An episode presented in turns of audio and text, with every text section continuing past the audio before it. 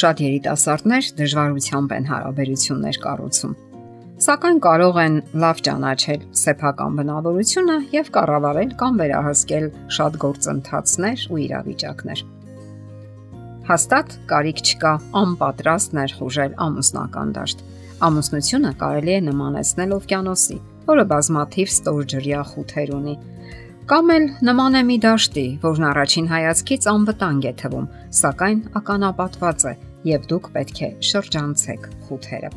Եվ այսպես,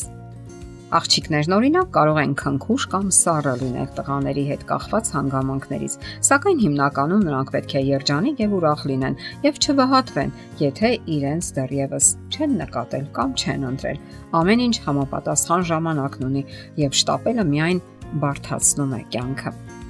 Աղջիկները միշտ պետք է պայծառ աչքեր եւ արեգակի ճառագայթներով ողողված ժպիտ ունենան։ Երբեք չշողոքորթեն եւ ոչ էլ բամբասեն կամ նախանձեն։ Ոչ մեկի մասին ված պետք չէ արտահայտվել, որովհետեւ որովհետեւ այդպեսին պետք է լինի աղջիկը՝ ուրախություն, ճառագող եւ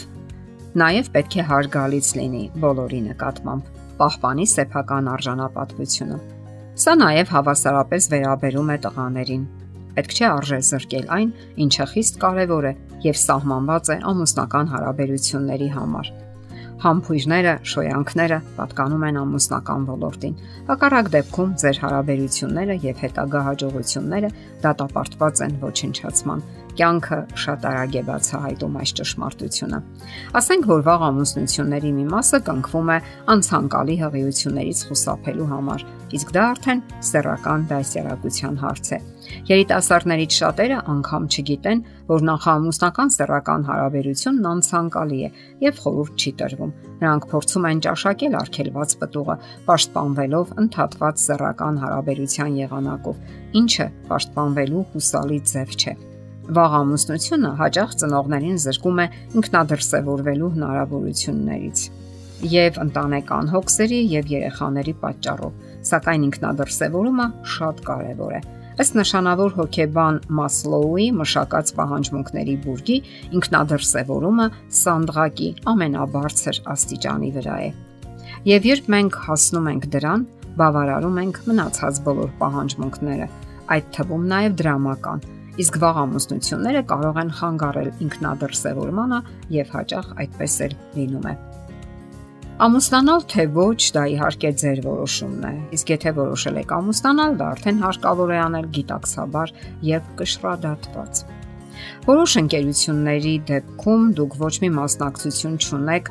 դիմացինի սոցիալական կյանքում Նա շփվում է միայն իր ընկերների հետ։ Դուք մնում եք միայնակ, իսկ նա ուշադրություն կամ առանձնահատուկ վերաբերմունք է պահանջում։ Նման ընկերությունը իհարկե լուրջ չէ եւ չի կարող բարեհաջող ավարտ ունենալ։ Այսպիսի փակ շրջանակներից դուրս գալու միակ եղանակը բացասական հարաբերությունների մեջ չմտնելն է կամ էլ ժամանակին դուրս գալը եւ ընդհանրապես խուսափելը։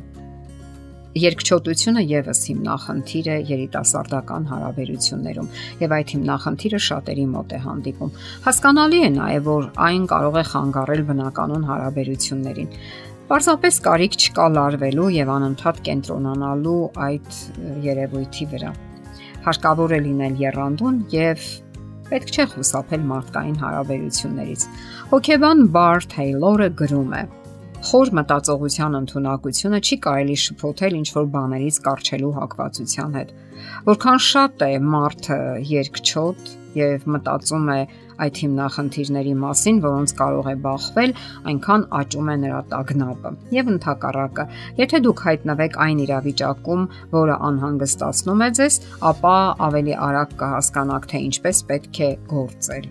Նույնպիսի մարտավարության էր հետևում նաև նշանավոր դերասան Չապլինի դուստրը Ջերալդինա Չապլինը։ Ահա թե ինչ են ագրում։ Նախքան հասարակության առաջ հայտնվելը ես արկելում էի ինձ մտածել իմ մասին։ Ոչ, ես չեմ նվաստացնում ինձ, այլ պարզապես դադարում եմ սնել իմ եսը այսպիսի մտքերով։ Իսկ ինչպես կարձագանքեն ինձ, իսկ ինչ կասեն իմ մասին եւ այլն։ Նշանավոր այլ անznավորություններ եւս ունեցել են այդ հիմնախնդիրը։ Ալբերտ Էյնշտեյնը, Բեռնարդ Շոուն, Հարիսոն Ֆորդը։ Վերջինս գրում է, որ քիչ է մնացել վախից մահանա, երբ առաջին անգամ հայտնվել է բեմում, եւ նրանք բոլորն էլ պայքարել են երկչոտության ու թերարժեքության դեմ տրվելով իրենց նախասիրություններին։ Ահա թե ինչու հոգեբանները նշում են, որ հարկավոր է ամբողջովին նվիրվել սիրելի գործին եւ բնականաբար երկչոտության կամ թերարժեքության մասին մտածելու ժամանակ չի մնա։ Նաև հարկավոր է ճիշտ սահմանել ընկերակցությունները եւ դրանց սահմանները։ Ընկերությունը մի բան է, ծանոթությունը մեկ այլ բան։ Ընկերությունը ավելի խոր եւ կայուն հարաբերություններ է ենթադրում։ Իսկ եթե parzapes ծանոթ է, դուք բարևում եք, ողջությունը հարցնում, եւս մեկ կամ մի քանի հարցեր տալիս եւ ամեն ինչ ավարտվում է։ Ունեցեք նաև ձեր սահմանները հարաբերությունների մեջ, որոնք ձեր իրավասության տակ են եւ համապատասխանում են ձեր բարոյական արժեքներին եւ ձեր բնավորության առանձնահատկություններին, ձեր մարդկային կերպին։ Եթե դիմացինը չի ընկալում դրանք կամ չի ցանկանում ընդունել, ուրեմն կարիք չկա շարունակել եւ լուրջ ընթացք տալ դրանց։